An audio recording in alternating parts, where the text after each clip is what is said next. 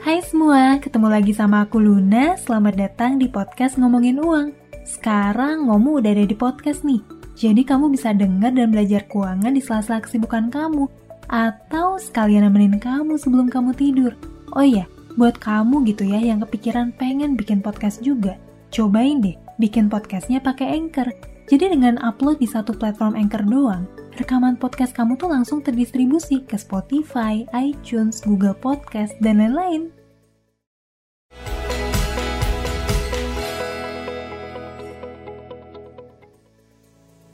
Kali ini, aku mau bahas topik yang sering banget di request, tentang cryptocurrency yang paling populer, yaitu Bitcoin. Mungkin sebagian dari kamu pernah denger nih, kalau harga Bitcoin tuh sempet naik gila-gilaan selama 10 tahun terakhir. Padahal pas awal mulai diedarin, harga satu Bitcoin itu nggak nyampe 100 rupiah. Pokoknya murah banget deh, seolah-olah tuh nggak ada nilainya. Tapi seiring berjalannya waktu, harga Bitcoin tuh terus melonjak. Dari beberapa puluh rupiah jadi beberapa ratus rupiah. Naik lagi sampai beberapa ribu rupiah. Sampai harganya tuh tembus jutaan rupiah. Dan pada puncaknya, di tanggal 16 Desember 2017, satu Bitcoin tuh sempat nyentuh harga 260 juta rupiah. Coba kamu bayangin deh, satu Bitcoin yang tadinya dihargai kurang dari 100 rupiah, naik jadi 260 juta rupiah dalam waktu 7 tahun. Makanya banyak orang yang nyesel nih, coba aja dulu beli Bitcoin pas harganya masih murah. Mereka yang beli dan tetap menyimpan Bitcoin pasti udah jadi miliarder atau bahkan triliuner. Tapi di sisi lain, ada banyak juga nih orang yang jatuh bangkrut gara-gara Bitcoin. Kebanyakan mereka yang bangkrut itu adalah mereka yang ikut-ikutan beli Bitcoin pas harganya tuh udah tinggi banget. Karena tergiur sama kenaikan harga Bitcoin yang fantastis. Mereka tuh cuma berspekulasi kalau harganya tuh bakalan terus naik, tapi nggak paham apa itu Bitcoin. Nah, mereka tuh panik ngeliat fluktuasi harga yang naik turun secara drastis, dan akhirnya terpaksa jual Bitcoin mereka di harga yang jauh lebih murah dibanding harga beli, dan ngalamin kerugian yang parah. Sampai sekarang, masih banyak orang yang ngomongin Bitcoin, tapi sebatas tentang kenaikan dan penurunan harganya yang tinggi banget. Jarang banget nih, ada yang benar-benar paham apa itu cryptocurrency secara umum dan khususnya Bitcoin. Nah, makanya di video kali ini aku nggak akan bahas tentang fluktuasi harga Bitcoin. Justru, aku mau bahas tentang gimana sih sejarah Bitcoin, sebetulnya apa sih tujuan pembuatan Bitcoin, apa sih fungsinya, dan apa kelebihan serta kekurangannya. Oke, sebelum mulai aku mau ngingetin dulu nih, buat kamu yang tertarik sama topik seputar dunia keuangan, ekonomi, dan investasi, pastiin subscribe channel ini buat dapetin konten-konten terbaik dari kami. Yuk kita mulai ceritanya dari sejarah cryptocurrency dan Bitcoin. Cryptocurrency itu apa sih? Sesuai namanya, cryptocurrency itu adalah bentuk simpanan digital yang proses transfernya tuh pakai teknik kriptografi atau sandi rahasia. Peredaran cryptocurrency ini tuh nggak dikendalin oleh satu lembaga kayak bank sentral ataupun perusahaan tertentu, melainkan dengan server yang terpencar-pencar yang sifatnya terdesentralisasi. Sebetulnya ngapain sih bikin cryptocurrency? Emang ada yang salah ya sama sistem uang digital tradisional? Nah, para penggagas awal cryptocurrency ini tuh punya pemikiran kalau perputaran uang dalam ekonomi itu harusnya bisa dilakuin setiap orang secara independen, tanpa harus melalui pihak ketiga yang jadi perantara, kayak bank atau perusahaan penyedia dompet digital. Dan proses penerbitannya pun nggak dimonopoli oleh satu institusi, kayak bank sentral. Karena nih, kalau ada pihak ketiga yang jadi perantara, proses transaksi ekonomi yang terjadi tuh dimonitor dengan ketat. Distribusi dan peredaran uang juga dikendaliin pakai suku bunga dan proses penerbitan uangnya dimonopoli sama bank sentral. Gak cuma itu aja, layanan penyimpanan atau proses transfer pun dikenain biaya yang lumayan mahal sama pihak bank. Nah, cryptocurrency ini tuh hadir dan nawarin solusi supaya setiap orang tuh bisa ngelakuin proses transaksi ekonomi secara independen, pakai sistem yang gak bisa dikendalin oleh siapa pun, tapi punya jaringan yang bisa ngedokumentasin setiap transaksi secara otomatis tanpa harus ada institusi yang lola. Wah, menarik banget ya idenya. Sebetulnya gagasan awal cryptocurrency ini tuh udah ada loh sejak tahun 98, tapi saat itu secara teknis, sistem ini tuh belum bisa diimplementasiin. Karena kalau nggak ada pihak yang mencatat setiap transaksi, setiap orang tuh jadi bisa menduplikasi uang digital sebanyak mungkin. Nah, masalah itu akhirnya diselesaikan di tahun 2008 sama orang yang misterius banget dan pakai nama samaran, Satoshi Nakamoto, dengan pakai teknologi blockchain. Di bulan Januari tahun 2009, konsep cryptocurrency dengan teknologi blockchain ini tuh diluncurin untuk pertama kalinya dan dikasih nama Bitcoin. Bisa dibilang nih, Bitcoin ini adalah cryptocurrency pertama yang sukses dibikin. Terus gimana ceritanya sih Bitcoin tuh bisa terdistribusi ke banyak orang dan setiap orang tuh bisa saling bertransaksi pakai Bitcoin? Pertama nih, Bitcoin tuh harus punya jaringan, tapi jaringan itu tuh nggak boleh terpusat di satu server, nggak boleh dikelola sama satu perusahaan, dan nggak boleh ada yang ngendaliin. Emang kenapa sih Bitcoin nggak boleh ada yang ngendaliin?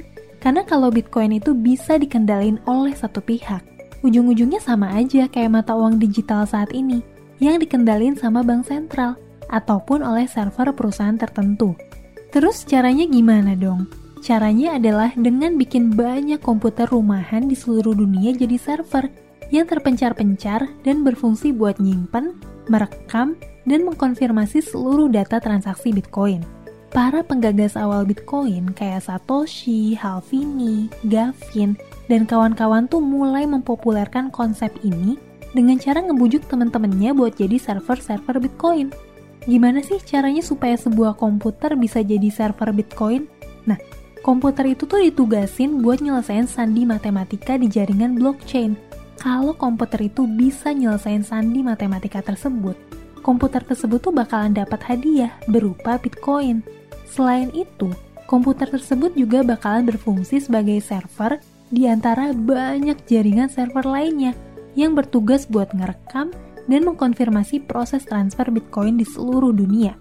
Itu sebabnya nih, kenapa jaringan itu dinamain blockchain dan orang-orang yang ngoperasin komputer itu sering disebut sebagai Bitcoin miners atau penambang Bitcoin. Dengan adanya jaringan server yang terpencar-pencar atau blockchain, transaksi Bitcoin tuh bisa dilakuin secara independen tanpa harus melalui perantara bank atau perusahaan tertentu. Nah, ini nih nilai jual fungsional dari Bitcoin itu sendiri. Misalnya kamu mau transfer uang dari Indonesia ke negara lain. Nah, kamu tuh bisa transfer uang lewat bank atau institusi keuangan tertentu dan bayar biaya layanan. Proses transfer ini tuh makan waktu beberapa jam atau bahkan beberapa hari kerja. Belum lagi nih, diperluin kehadiran institusi keuangan dari pihak pengirim maupun pihak penerima di lokasi geografis masing-masing. Dengan cryptocurrency, semua orang tuh bisa ngelakuin transfer dari seluruh dunia cuma dalam waktu beberapa menit doang, tanpa perlu ada perantara sama sekali. Karena yang ngelakuin verifikasi transfernya itu adalah jaringan blockchain yang terpencar-pencar di seluruh dunia – Nah, di tabel ini kamu bisa ngeliat nih perbedaan cryptocurrency dengan mata uang digital tradisional lainnya. Oh ya, aku mau ngingetin nih kalau aku bikin podcast ini pakai Anchor. Buat kamu yang kepikiran juga mau bikin podcast, cobain deh distribusin podcast kamu pakai Anchor. Sayangnya, penggunaan cryptocurrency ini tuh banyak berbenturan sama hukum. Jadi ada banyak persepsi negatif terkait cryptocurrency, khususnya Bitcoin. Di fase awal, Bitcoin tuh sempat populer dan dipakai sebagai mata uang dark web buat transaksi barang-barang ilegal dan juga sebagai instrumen donasi ke Wikileaks, sebuah media yang nyebarin informasi rahasia pemerintah. Makanya, Satoshi tuh pernah bilang kayak gini di forum kriptografi, sebelum akhirnya dia ngilang dan gak ada yang tahu identitasnya sampai sekarang. Terlepas dari itu, penggunaan Bitcoin tuh terus naik dengan fantastis sejak Maret 2010 ketika bitcoinmarket.com tuh mulai beroperasi sebagai Bitcoin exchange pertama di dunia. Di bulan Mei 2010, Laszlo Henyes, seorang programmer dan penggiat kriptografi, buat pertama kalinya ngelakuin transaksi konsumsi pakai Bitcoin. Dia tuh minta member di sebuah forum buat beliin dua box pizza, dan dia bayar orang tersebut sebesar 10.000 Bitcoin. Saat itu, satu Bitcoin tuh kira-kira sekitar 50 rupiah doang, dan harga dua box pizza itu setara 500 ribu rupiah. Tapi nih, saat video ini dibuat, nilai dari 10.000 bitcoin itu setara dengan 1,3 triliun rupiah. Bayangin deh, kenaikan harga bitcoin sejak pertama kali beredar tuh udah jutaan persen. Mungkin kamu penasaran, Apa sih yang bikin harga Bitcoin naik tinggi banget? Sesuai hukum ekonomi, kenaikan harga sebuah entitas selalu disebabkan sama dua hal. Pertama, banyaknya permintaan terhadap entitas tersebut. Kedua, keterbatasan atau kelangkaan dari entitas tersebut. Dari sisi kelangkaan, Satoshi Nakamoto dan para programmer awal Bitcoin tuh ngebatasin jumlah Bitcoin maksimal 21 juta unit Bitcoin dan jumlah tersebut tuh baru akan tercapai di tahun 2140. Jadi bisa dibilang jumlah Bitcoin itu tuh terbatas dan gak ada seorang pun yang bisa memproduksi lebih dari jumlah tersebut. Dari sisi permintaan, penggunaan Bitcoin tuh mulai marak sebagai mata uang dan komoditas yang diperjualbelikan di bursa cryptocurrency dengan volume transaksi yang terus naik dari tahun ke tahun. Kamu perlu tahu juga nih, salah satu kelemahan Bitcoin itu adalah fluktuasi nilainya yang sangat agresif. Bayangin deh, setelah Bitcoin nyentuh harga tertingginya di Juni 2011 di angka 30 dolar, harganya tuh turun 93% sampai nyentuh 2 dolar di Desember 2011. Begitu juga ketika Bitcoin nyentuh harga 1.200 dolar di November 2013 harganya tuh turun 83% jadi 200 dolar di bulan Maret 2015. Dan waktu harga Bitcoin tuh nyentuh rekor tertingginya di 19.000 dolar di akhir tahun 2017, harganya tuh sempat turun 84%, jadi 3.000 dolar di Desember 2018. Makanya, terlepas dari banyak cerita manis yang kita dengar dari para investor dan penambang Bitcoin, gak jarang juga kita dengar berita buruk dari banyak orang yang ngalamin kerugian parah bahkan bangkrut gara-gara berspekulasi saat ngelakuin transaksi jual beli cryptocurrency. Karena fluktuasi harga yang tinggi ini, gak jarang juga pelaku pasar modal dan trader forex di seluruh dunia ikut berpartisipasi dalam perdagangan cryptocurrency buat dapetin keuntungan berupa capital gain. Di Indonesia sendiri nih, Bitcoin tuh berstatus sebagai komoditas aset digital yang bisa diperjualbelikan tapi belum diakui sebagai alat pembayaran yang sah. Sampai saat ini, udah ada banyak platform yang bisa dipakai buat beli dan jual Bitcoin di Indonesia pakai mata uang rupiah. Pertanyaannya, gimana sih masa depan Bitcoin atau cryptocurrency yang lain kayak Ethereum, Bitcoin Cash, Litecoin, dan lain-lain? Kita nggak akan pernah tahu apa yang bakal terjadi di masa depan. Sejauh mana sih cryptocurrency ini bisa diterima oleh publik dan penggunanya bisa semakin aktif. Atau malah, cryptocurrency ini tuh ternyata cuma sebatas pada komoditas digital yang diperjualbelikan dan harganya tuh bakalan terus berfluktuasi berdasarkan spekulasi doang. Satoshi sendiri tuh pernah bilang, I'm sure that in 20 years, there will either be very large transaction volume or no volume. Nah, pada saat kamu nonton video ini di masa depan, berapa sih harga Bitcoin saat itu? Tulis di kolom komentar ya. Apa Bitcoin bisa nembus rekor tertingginya di harga 260 juta rupiah? Atau malah harganya jatuh sampai nggak bernilai lagi? Oke deh, segitu aja pembahasan kali ini tentang cryptocurrency khususnya Bitcoin.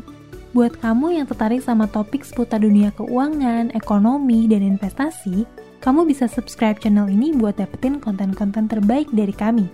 Buat kamu yang aktif di Instagram, jangan lupa juga follow Instagram kami, karena kami akan mulai aktif untuk membagikan insight yang menarik di Instagram.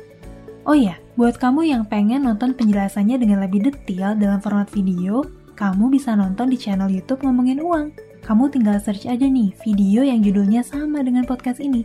Oke? Aku tunggu kamu di YouTube ya.